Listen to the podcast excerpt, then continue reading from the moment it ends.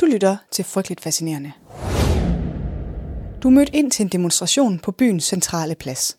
I samlet, fordi I skal demonstrere mod løn og arbejdsforholdene på byens fabrikker. Det er en sag, du brænder for. Det er selvfølgelig også let at brænde for bedre forhold, når man arbejder 6 dage om ugen, og ens arbejdsuge er mere end 60 timer lang, og lønnen stadig nogle gange er så dårlig, at du ikke engang har råd til ordentlige vinterstøvler, når dine regninger og faste udgifter er betalt. Men selvom forholdene er hårde, så ved du også godt, at der er en del mennesker derude, der har det noget værre, end du har. Særligt de migrantarbejdere, der er kommet ind med bådene. Mange af dem snakker ikke engang engelsk. De er rejst fra venner og familie. Og det lader til, at mange af dem er den overbevisning, at alt er muligt i USA. At alle, der vil arbejde hårdt, kan blive rige. Den illusion er du for længst holdt op med at tro på. Om det så er fordi, du kommer i nogle samlinger, hvor folk er ret kritiske i deres ideologiske synspunkter, eller om det er fordi du simpelthen har set for mange migrantarbejdere ankomme med ild i maven og lys i øjnene, for så at blive skuffet, desillusioneret og i øvrigt både ende som fattige og udnyttet. Hvorom alting er, så er du mødt ind til demonstrationen. Ambitionsniveauet er tårnhøjt. 8 timers arbejdsdag, minimumslønninger, fagforeninger. Og du er selvfølgelig mødt frem for at vise din støtte. Det er der i øvrigt mange andre, som også er. Hvor mange må I egentlig er? Det er ikke til at sige, men der er mange mennesker på pladsen, og der kommer hele tiden flere til.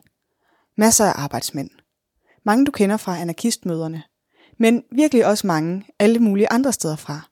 Kvinder og børn. Det er åbenbart ikke så få folk, der kan samles bag ideen om en 8 timers arbejdsdag.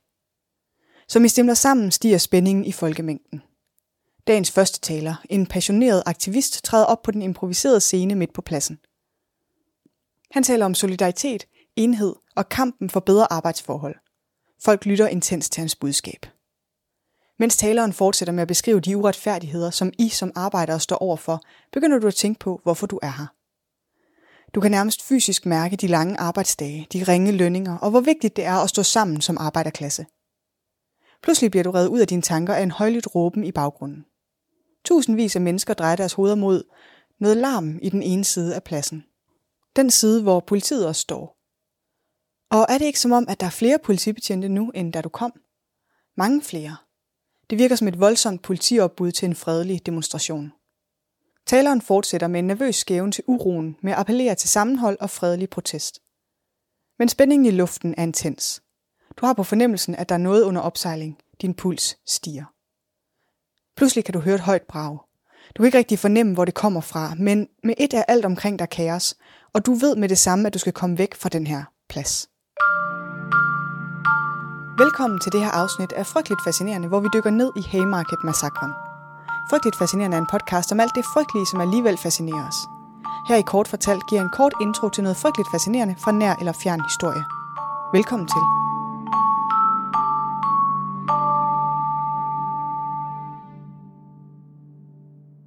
Dagens afsnit er ønsket af Karsten over på Instagram for 100 år siden. Så det er jo sådan set lidt sløvt. Men også et bevis på, at håbet lever – hvis du har sendt et ønske ind for længe siden, og det ikke er kommet endnu, så frygt ikke. Det er i bogen, den lille sorte, og det mere tjekkede digitale system. Det kommer sikkert en dag. I dag kommer Carstens forslag jo for eksempel, og det havde han nok opgivet håbet om for længst. Men tusind tak for forslaget, Karsten. For i dag skal det handle om Haymarket-massakren. Og det var aldrig noget, jeg havde hørt om, før Karsten ønskede det. Men det er historien om arbejderbevægelsen, om uretfærdighed, politibrutalitet, justitsmor og alt muligt andet. Så det tigger ret mange bokse for mig, kan man sige. Og derfor er jeg også sindssygt glad for forslaget. Og det er derfor, du sidder med lige præcis det her emne i ørerne nu. Men først lidt historisk kontekst. Vi kan altid godt lide lidt historisk kontekst her i podcasten. Efter borgerkrigen i USA, og især i kølvandet på den økonomiske depression, så sker der en hurtig udvidelse af industriproduktionen i USA. Der bliver bygget og effektiviseret og innoveret til den helt store guldmedalje. Chicago er en vigtig industriel hovednerve. Udviklingen går rigtig stærkt, og mange steder er efterspørgselen på arbejdskraft enorm. Det tiltrækker selv sagt en masse mennesker, som efter overvis med økonomisk recession og krise virkelig glæder sig over muligheden for at arbejde og tjene penge. Både andre steder fra i USA, men særligt også immigranter tiltrækkes til området. Det ligger pres på lønninger og ansættelsesforholdene. På det her tidspunkt er det ikke unormalt, at immigranter ansættes til omkring 1,5 dollar om dagen. De arbejder mere end 60 timer om ugen på en 6-dages arbejdsuge. Arbejdet er fysisk hårdt, og lønnen er så dårlig, at arbejdere stadig lever i fattigdom og under konstant frygt for at miste deres job og indtægt. Byen bliver derfor centrum for mange forsøg på at organisere arbejderes krav om bedre arbejdsforhold. Arbejdsgivere reagerer med anti-fagforeningsforanstaltninger. De fyrer og blacklister foreningsmedlemmer, lockouter, rekrutterer skruebrækkere, ansætter spioner og private sikkerhedsstyrker, og så puster de til en allerede eksisterende etniske spændinger i den sociale smeltedeal af immigranter fra hele verden, og amerikanske statsborgere for at skabe splittelse hos arbejderne. I løbet af den økonomiske nedgang mellem 1882 og 1886 er socialistiske og anarkistiske organisationer virkelig aktive.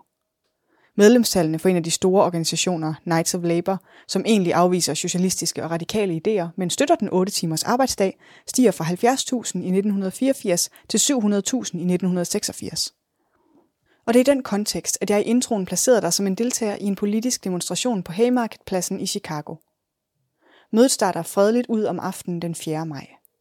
Det regner lidt, men der er virkelig mødt mange mennesker frem alligevel. Flere end arrangørerne har regnet med. August Spies, Albert Parsons og præsten Samuel Fielden taler til en forsamling på omkring 3.000 mennesker fra en åben vogn. I nærheden af pladsen er et stort antal betjente fremmødt. Spies er senere citeret for at sige om dagens begivenheder. Der synes at herske den opfattelse i visse kredse, at dette møde er blevet indkaldt med det formål at indlede uroligheder. Derfor disse krigsforberedelser fra såkaldt lov og orden. Lad mig imidlertid sige det til dig fra begyndelsen at dette møde ikke er blevet indkaldt med noget sådan formål. Målet med dette møde er at forklare den generelle situation i 8 timers bevægelsen og kaste lys over forskellige begivenheder i forbindelse med den. Efter Spises tale følger en tale fra Parson. Redaktøren af den radikale engelsksprogede ugeavis The Alarm. Under talen er folkemængden så rolig, at borgmesteren Carter Harrison, som personligt er fremmødt til demonstrationen, går tidligt hjem. Parson taler i næsten en time, før han overlader scenen til aftens sidste taler den engelskfødte socialist, anarkist og arbejderaktivist, metodistpræsten Samuel Fielden, som leverer en kort og præcis 10 minutters tale. På det her tidspunkt er en del af tilhørende allerede gået hjem, fordi regnen er tiltagende og vejret er koldt. Og så er det, at begivenhederne tager en drejning. I en artikel i The New York Times fra den 5. maj er overskriften Uroligheder og blodbad i Chicagos gader. 12 betjente døde eller døende. I artiklen rapporteres det, at Fielden talte i 20 minutter, og at hans ord blev vildere og voldeligere, som talen skred frem. En anden artikel fra The New York Times med overskriften Anarkiets røde hånd, dateret den 6. maj, starter med Anarkisternes ondskabsfulde ideologi bar blodige frugter i Chicago den aften, og inden daggry vil mindst et dusin stærke mænd have offret deres liv. Artiklen omtaler de strækkende som en pøbel og bruger anførselstegn omkring udtrykket arbejdsmænd. Men hvad er det så egentlig, der får store nationale aviser til at tale så kritisk om demonstranterne i Chicago? Har anarkiets ideologi virkelig båret dødelige frugter? Ikke helt. Men der har været dødsfald, så meget er alle der enige om. Omkring kl. 22.30, lige da Fielden er ved at afslutte sin tale, ankommer politifolk i massevis. De strømmer til, marcherende i formation mod talerens vogn, og giver ordre til, at mødet bliver opløst. Fielden insisterer på, at mødet er fredeligt, men politiinspektøren fastholder ordren om, at mødet skal opløses. Og så, som et lyn fra en klar himmel, rives aftenluften i stykker af et højt brag. En hjemmelavet bombe med et skrøbeligt metalhylster, fyldt med dynamit og antændt af en lunde, er blevet kastet mod politiet, da de rykker frem mod demonstranterne. Lunden gnistrer kort og eksploderer med et øresønderrivende brag.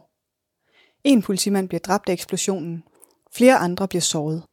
Efter bombesprængningen følger en skudveksling mellem politi og demonstranter. Det er politiet, der åbner ild først, og de ender med at dræbe fire ubevæbnede demonstranter og såre mange andre. Få minutter efter er alle flygtet fra pladsen. Tilbage ligger kun de døde og de sårede.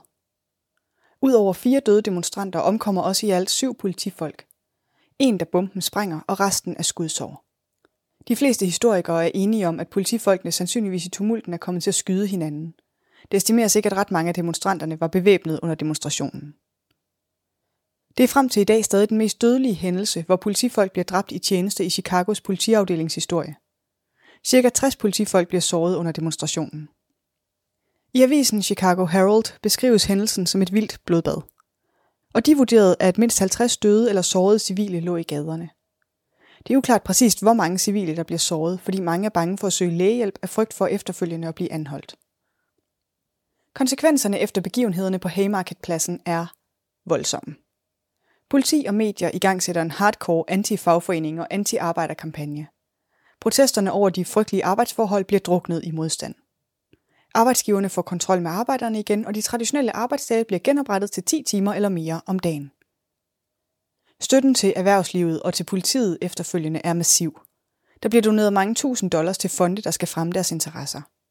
Hele arbejder- og indvandrerfællesskabet, især de tyske, kommer under mistanke.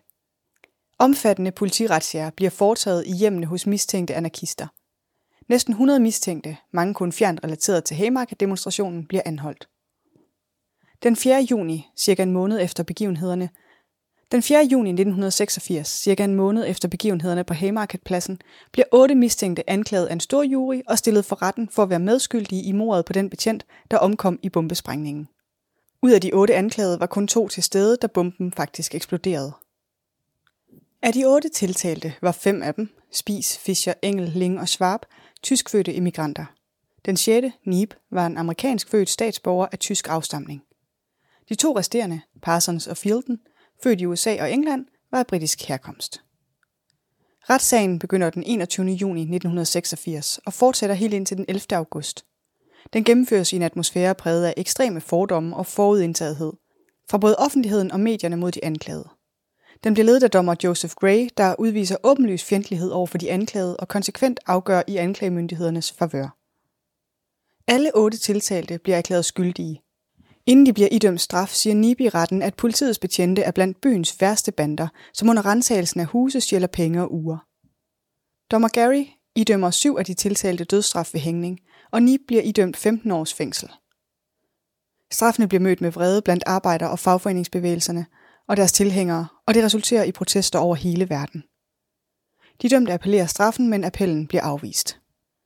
Efter appelmulighederne er udtømt, så omstøder guvernøren i Illinois Fielden og Schwabs dommen til livstid i fængsel. Natten før den planlagte hængning af de øvrige dømte begår Link selvmord i sin celle. Han bruger noget, der på engelsk hedder en blasting cap eller en sprænghætte, og uden at blive grafisk, så er det en virkelig frygtelig måde at dø på. Links ansigt bliver sprunget i stykker, men han overlever i timevis, og da han bliver fundet i sin celle, har han ligget med frygtelige smerter i mange timer. Dagen efter, den 11. november 1987, bliver fire af de tiltalte, Engel, Fischer, Parsons og Spis, ført til galgen i ført hvide kapper og hætter. De synger Marselæsen, mens de, de synger Marseillen, Marseillæsen, Marselæsen, synger Marseillen, Marselæsen, fransk, ikke min spidskompetence. De synger den, mens de går. På det her tidspunkt er den blevet en slags international titelmelodi for revolution og arbejderklassevilkår. Vidner fortæller, at de ikke dør med det samme, men bliver kvalt langsomt. Den rigtige bombemand er aldrig blevet identificeret. Flere historikere mener, at de historiske kilder peger på Rudolf Snaubelt, svoger til en af de dømte, som den mest sandsynlige gerningsmand. I arbejderbevægelsen i USA og verden over, så er retssagen, dommen og henrettelserne blevet et symbol på den modstand, som bevægelsen kontinuerligt gennem historien har stået overfor, og frem til i dag står det stadig som et alvorligt justitsmord. Det var lidt om Haymarket-massakren, kort fortalt er frygteligt fascinerende. Researchet skrevet, optaget og redigeret af mig. Jeg hedder Maria. Der er en ny ting, du kan gøre, hvis du gerne vil støtte min podcast, og det er at give en donation på Buy Me a Coffee. Det kan du gøre, hvis du har lyst. Jeg kipper med hatten og siger tusind tak på forhånd. Og tak for nu.